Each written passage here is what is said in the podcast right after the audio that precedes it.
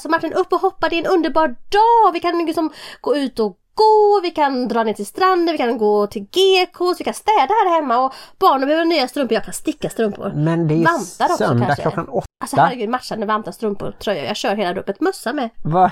Du verkar väldigt speedad. Nej, jag är inte speedad, jag gillar att hoppa hopprep i sängen, det är så Ja. härlig studs, känner du det här? Vad är det här för tom påse förresten? Eh, Har du ätit upp Nej. alla kolorna? Alltså jag kanske tog några stycken. Det är ett helt kilo. Men vad då? Min skippa sockerutmaning är över nu. Don't tell me that your life is dull and grey. My only answer is hey, hey, hey, hey. Let's go crazy in the wild, and if by chance we make a child, that just means that we're alive and healthy. Hej välkomna till avsnitt 184 av Bonuspappan och Plus Mamman, en podd om livet i en bonusfamilj med tyngdpunkt på föräldraskap och relationer. Tror du att det är någon som så här lägger märke till vilket nummer det är du säger? Så här, ja, men idag sa han absolut. 175 och nu säger han 162. Nej men man tänker väl att det närmar sig 200. Och egentligen är vi ju över 200 avsnitt sammanlagt eftersom vi har gjort några bonusavsnitt. Så på Castbox till exempel, där kan man höra alla avsnitt, inte bara de 150 som finns på iTunes och Spotify med mera. Jag tänker vi kunde göra ett litet test nu. Alla ni som kom ihåg vilket nummer det var Martin sa i början, skriv ner det och skicka det till oss. Ja, just det. Vi sänder ju som vanligt i samarbete med Hallands Nyheter, dagstidningen i Varberg och Falkenberg med omnejd. Ja, och nu har ju även Hallands Nyheter lite parkerat sig här hemma med tanke på att du jobbar hemifrån.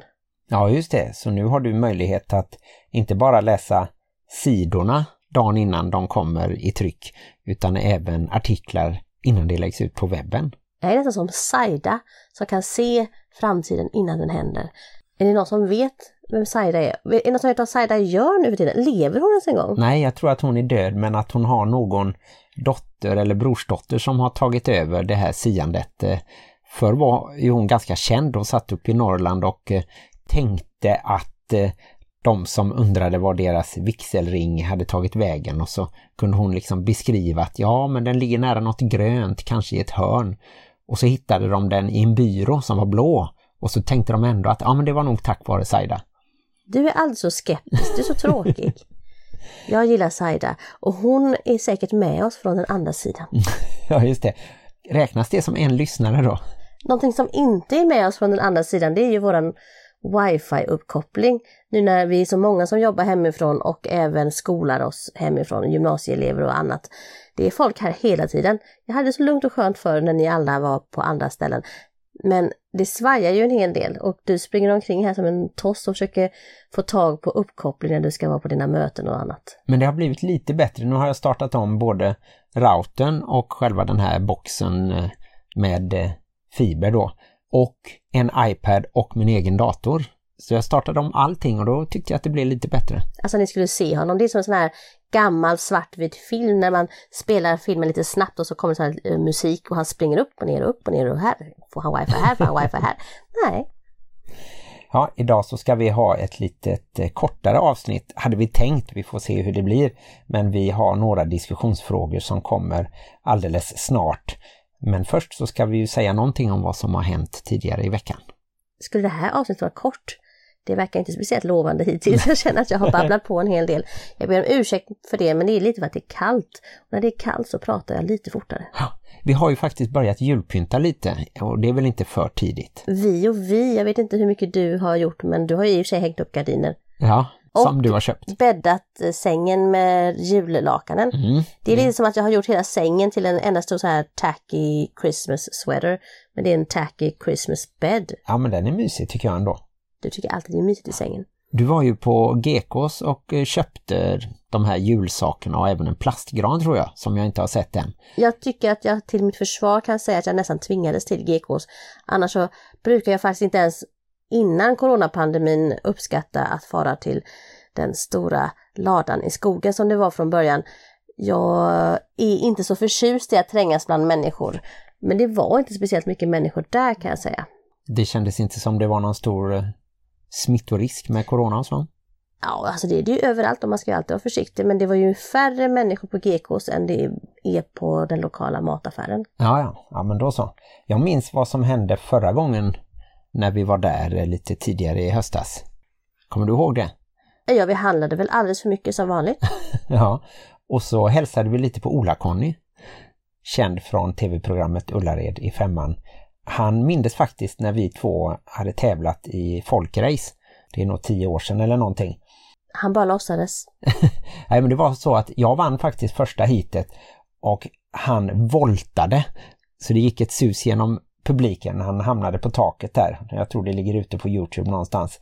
Ola Conny och Morgan körde varsin bil och jag och en annan reporter tävlade mot varandra då. Hallands Nyheter mot Varbergsposten var det. Men minns inte du att jag satt bredvid Ola-Conny när vi var på den där showen i Ullared?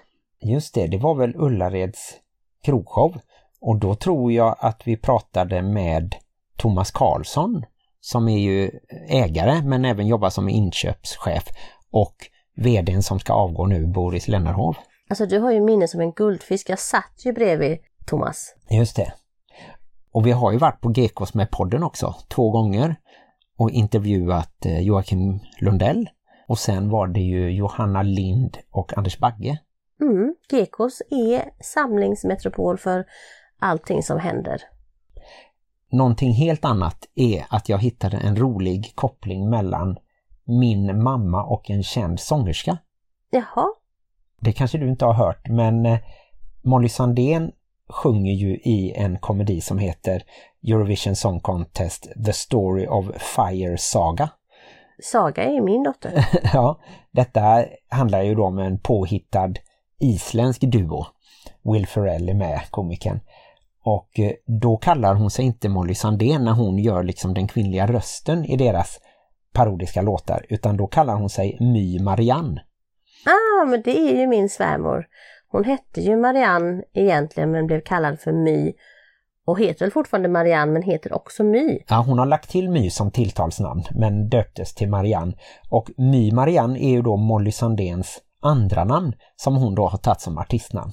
Det tyckte jag var lite roligt. Tänk att det finns två My Marianne, det var inte alldeles väntat.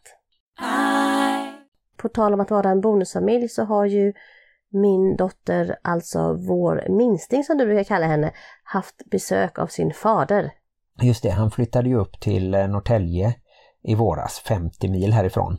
Och sedan dess har ju Helle bott heltid hos oss, men har varit uppe några gånger och hälsat på. Och han tänkte att eftersom inte det är någon fars på vallarna i år så skulle han starta igång en egen.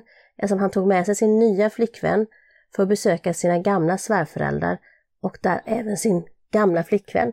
Och jag hade tyckt det var lite kul ifall jag också var med plus då Kevins mamma. Så det hade varit fyra gamla flammor. Det hade ju varit enormt komiskt. Ja just det, Kevin är ju din plusson som är Helles eh, storebror på sin pappas sida. Så de var båda där. Ja, jag hade nog också velat kika in och se hur stelt det blev när de hälsade på varandra. Jag tänkte mer som en sån här svängdörrsfars där vi kunde liksom ploppat upp eh, lite då och då så här, här är ditt liv. Ja just det, här kommer Lisa och Maria och andra ex. Och Ja. så kunde vi stämt upp i någon slags sång eller någonting. Det här buksystrarnas lov. Hela familjen von Trapp stående liksom på rad så, som i Sound of Music. Ja, vi får väl eh, fila på det lite till nästa avsnitt Jag kanske. hatar honom, jag hatar honom, jag hatar honom, jag hatar honom, hatar, hatar, men jag älskar honom. Stackars dig. Nu tror jag att vi får gå över till våra diskussionsfrågor innan det helt spårar ur. Vadå, det var ju bonusfamiljsrelaterat.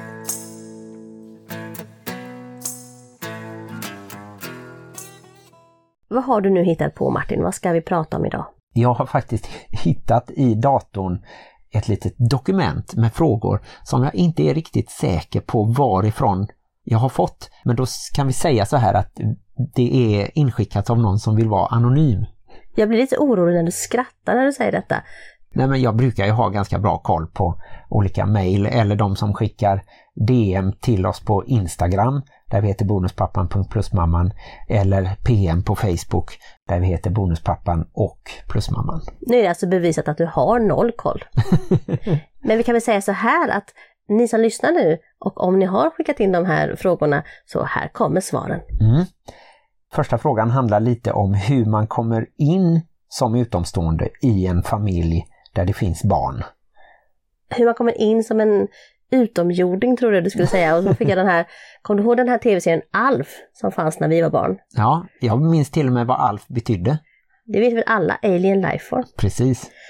Men eh, hur man kommer in som utomstående i en familj med barn. Alltså det är alltså hur man kommer in i en bonusfamilj helt enkelt. Ja. Men omskrivet på ett litet annat sätt. Mm. Ja, det har vi ju avhandlat både för och nu och lite då och då. Men mitt tips är ju att vara sig själv. Mm. Att försöka slappna av. För att det som är det alltid lättast i längden att vara sig själv. Och dels så är det ju dumt att utge sig för att vara någon annan och sen blir de besvikna när man är sig själv.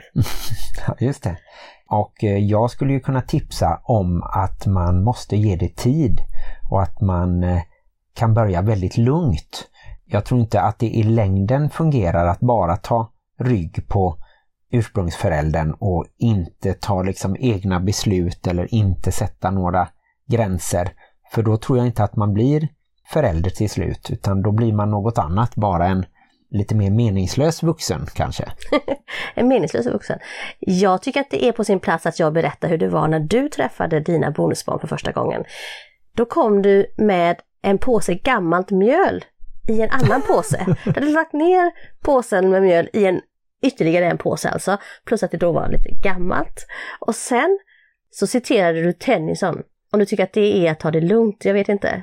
Jaha ja, men det var ju på nyår ja, då måste man ju läsa nyårsklockorna. Ja, men du satte tonen och visade vem du var för att du är fortfarande den galningen som skulle kunna citera konstiga dikter när som helst och har gammalt mjöl i påsen. Det kanske var så här jag symboliskt att, ja, precis, att du skulle ha mjöl. rent mjöl i påsen. Ja. Men jag vet inte, gammalt mjöl, är det bättre det än smutsigt mjöl? Jag vet inte. Nej, det vet jag inte heller, men jag tror att jag har varit mig själv väldigt mycket. På gott och ont. Sen har vi en fråga här lite om man kan ha skambelagda känslor som bonusförälder. Ja, men det ligger ju mycket så här skuld och skam och saker som man tar på sig som egentligen man inte behöver som bonusförälder. Och det är väl det här man ska vara så himla perfekt. För en vanlig förälder då, om man säger så, en biologisk eller ursprungsförälder som vi säger, är inte perfekta. Så om man då kommer in som bonusförälder och har den ambitionen och nivån att vara perfekt, då är det ju heading for a fall. Mm. Så att där tycker jag att dels så ska man sätta ribban lågt som bara tusan som bonusförälder och försöka liksom att gör man någonting bra så är det bra.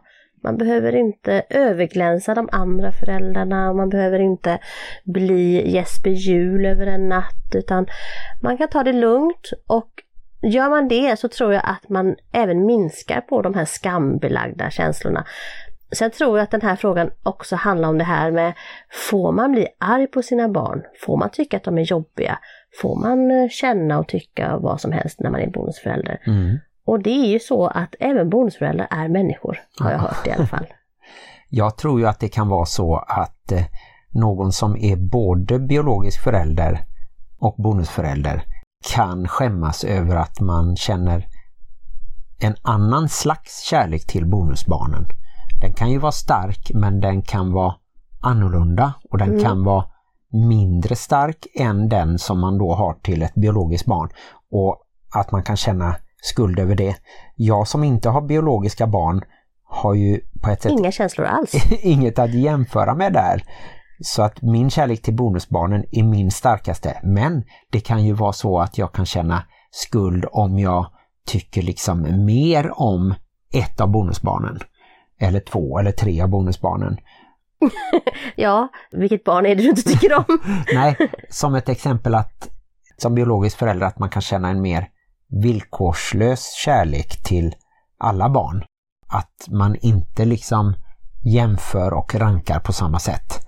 Och det skulle inte jag göra medvetet men jag tror att det kanske finns där någonstans. Men det kanske också är en myt. Jag har tänkt på det ibland. Är det alltid så att man älskar alla sina barn lika mycket? Nej, det kanske det inte Nej. är heller. Jag kommer aldrig att erkänna. Sen så tror jag också att det kan vara jobbigt som bonusförälder om man vill ha egen tid till exempel och att man då tycker att man vill hellre låta barnen vara hos den biologiska föräldern, att man tycker det liksom att ja, men det är ju inte mitt ansvar egentligen. Jag är inte vårdnadshavare till exempel utan jag borde få kunna dra iväg lite oftare och göra saker. Jag tror inte att det fungerar i längden heller. Jag tror att man ska försöka dela lika. Men jag tror att det kan vara en sån känsla som kan komma upp. Jag tror att det finns enormt mycket skuld och skamkänslor som jag sa här i början och jag tänker att ingen är gagnad av att känna skuld och skam. Och jag tänkte passa på att eh, definiera skillnaden på just skuld och skam.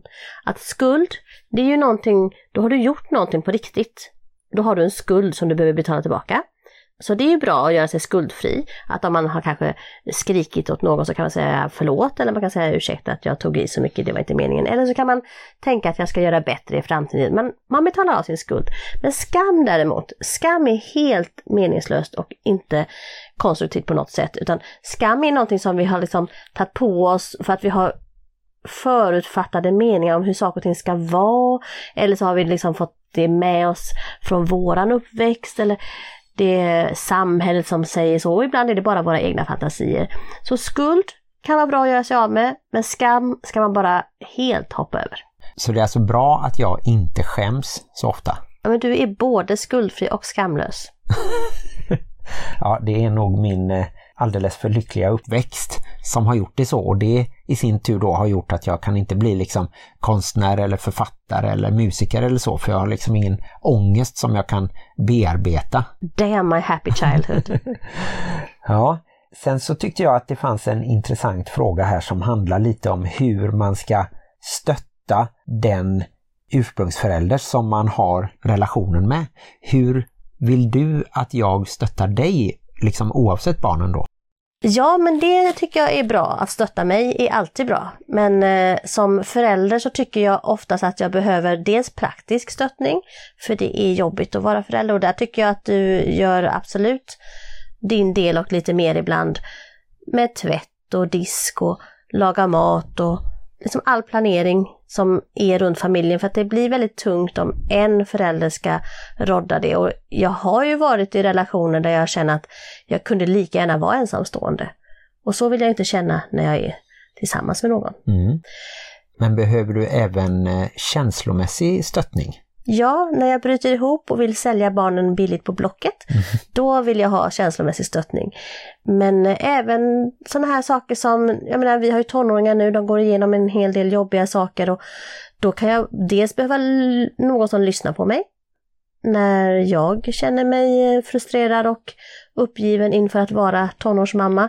Med det så skulle jag också behöva en extra vuxen som lyssnar på mina tonåringar och pratar med dem och kollar av hur de mår och, och sånt där. Mm. Vara en medförälder, en medmänniska och en medförälder. Det låter bra. Sen har jag hittat en riktigt bra fråga här. En sak som jag inte har tänkt på tror jag. Och det är lite om hur man ska följa med i sitt förhållningssätt gentemot barnen i takt med att de blir äldre. Och den som har skrivit det här som jag är väldigt nyfiken på och som jag hoppas hör av sig berättar lite att eh, det kan kännas då som att barnen får en ny infallsvinkel på det här med att bo i en bonusfamilj efterhand som de blir äldre och att relationen man har blir liksom som färskvara. Ja men så är det ju absolut och så är det ju en kärnfamilj också. Jag tänker att det är lite olika beroende på vilken plats man har i barnkullen. Som våran minsting som vi då sa innan kommer ju att bli behandlad som ett litet barn ganska mycket längre än då kanske våran äldsta dotter här i familjen. Och så är det ju i en kärnfamilj också. Mm. Men jag tänker att det kanske är extra viktigt i en bonusfamilj att man ser över och kollar av hur är läget nu. Till exempel som ett litet barn bryr sig inte om den är naken till exempel. Eller att, ja, men så när man är iväg och badar eller Mm. Men sen när de blir äldre så gör de ju det och då kan det ju faktiskt vara extra känsligt om det är en bonusförälder. Mm. Så att man kanske säger, men jag har känt det hela livet, kanske man tycker.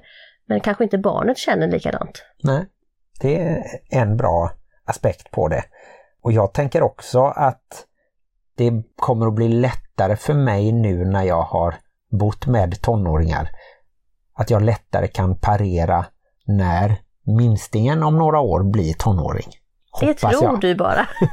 Man blir aldrig redo, man blir aldrig beredd.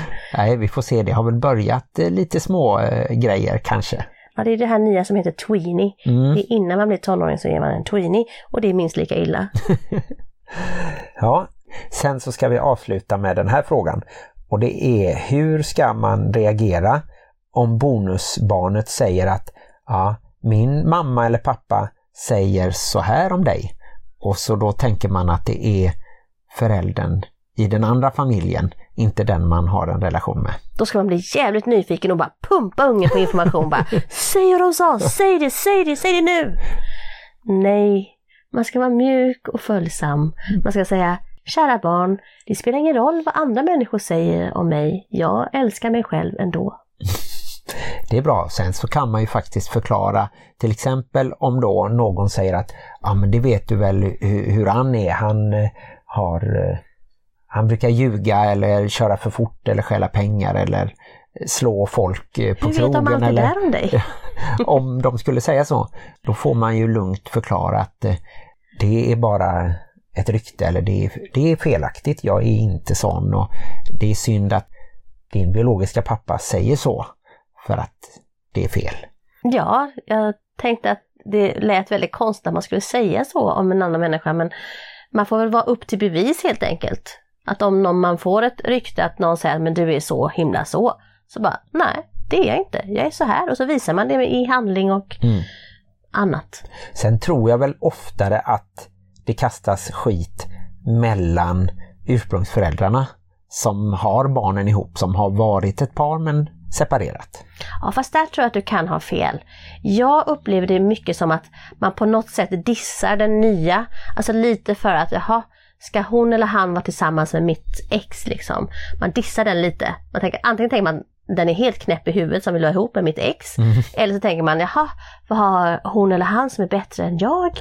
Alltså jag tror att det kan vara sådana känslor som dyker upp att, att det är inte helt friktionsfritt där. Nej. Och att man kanske kan säga något här lite spydigt utan att man ens tänker på det om den nya som man faktiskt på riktigt inte alls känner överhuvudtaget. Man kan ju faktiskt säga taskiga saker om sitt ex för att man vet det. Man ska inte det, i alla fall inte om man har barn tillsammans med sitt ex så ska man absolut inte göra det. Inte så att barnen hör. Men då kanske man i alla fall har belägg för det. Men sitt ex nya partner har man ju egentligen inte så mycket belägg för om man inte kände den sedan innan eller så. Nej. Och du tror att jag tror så för att jag inte riktigt märker. Jag går omkring och tänker att alla gillar mig, även dina ex och sådär. Så Fast det gör inte... de inte, de hatar dig Martin. Ja men det gör de, de hatar dig innerligt och hjärtligt. Jag vet det. Jag har sett breven.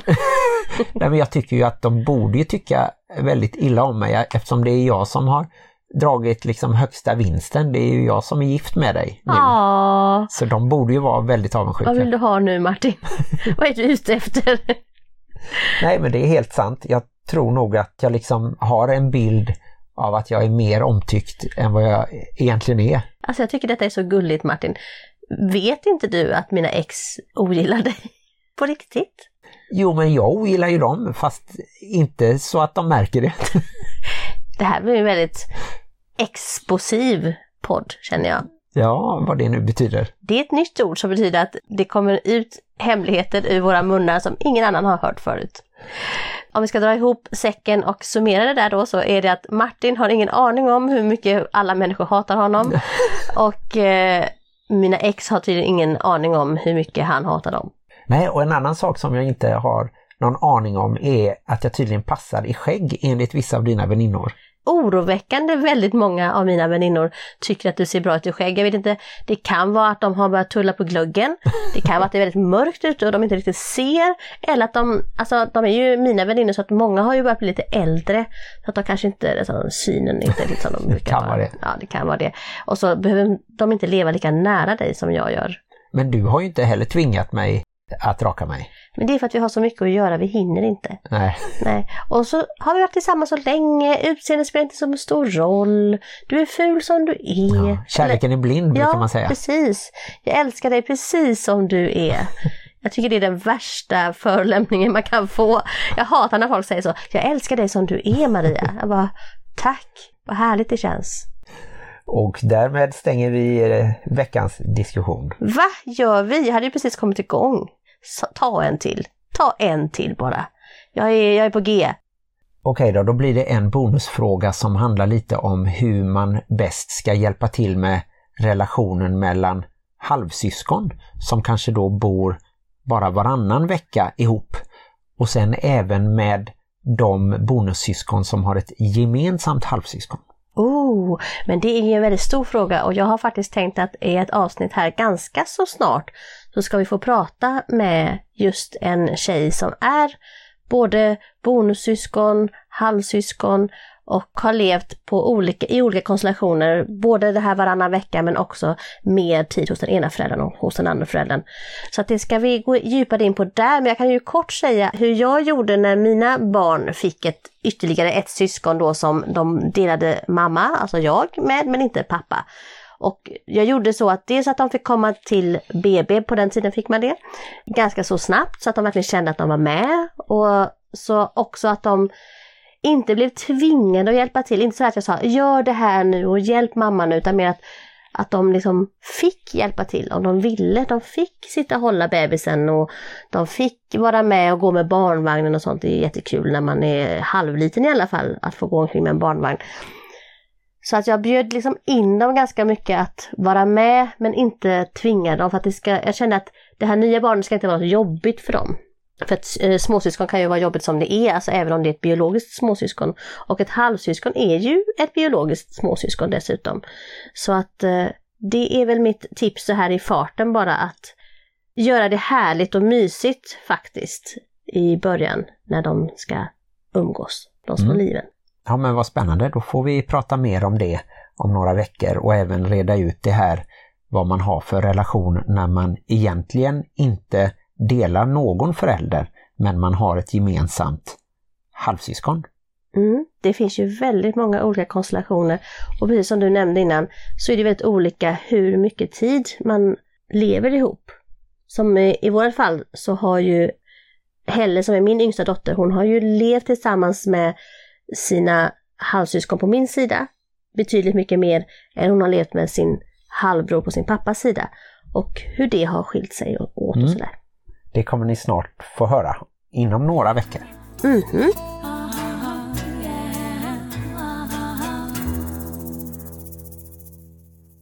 Jag kom att tänka på en bild när du sa det här att syskonen fick eh, hålla det lilla nya barnet och lära känna det. Mm. Och det var en bild på min äldsta brorsdotter Ella som höll då sin systerdotter Bianca, Kerstins lilla två månaders bebis när hon var hemma från sjukhuset och hälsade på familjen. Och det såg så himla gulligt ut.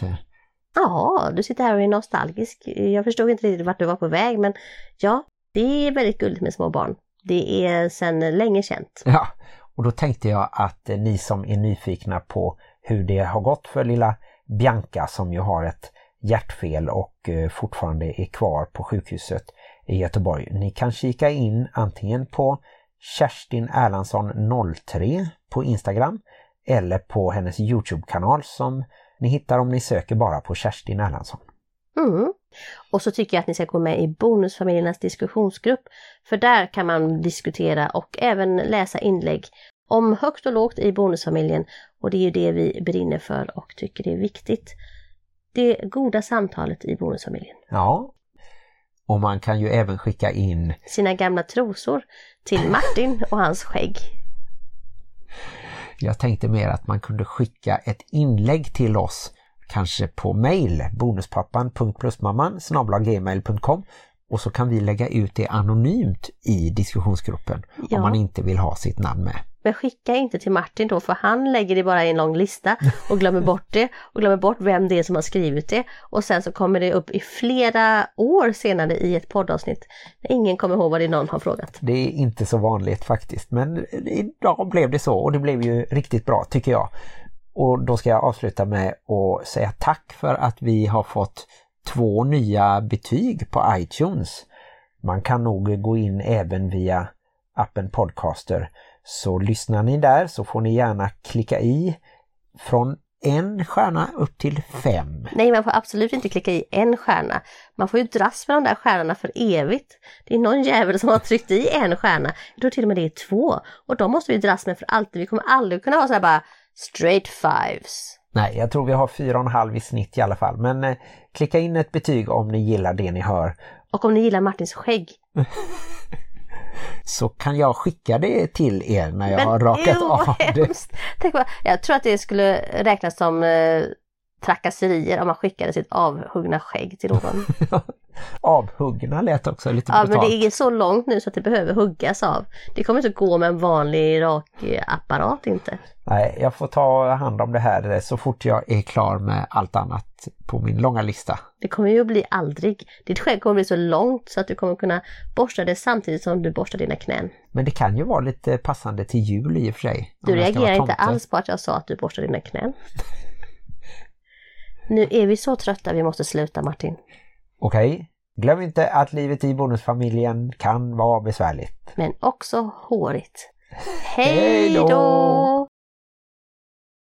Det är så härligt att göra dig nervös med att jag inte gör som du vill och säger någonting annat än det som vi alltid säger i varje avsnitt. Man inte ser hur skägget krullar sig. Men jag har valt mig lite vid det faktiskt, tycker jag. Nej, säg som det, du hatar det. Hata är ett väldigt starkt ord.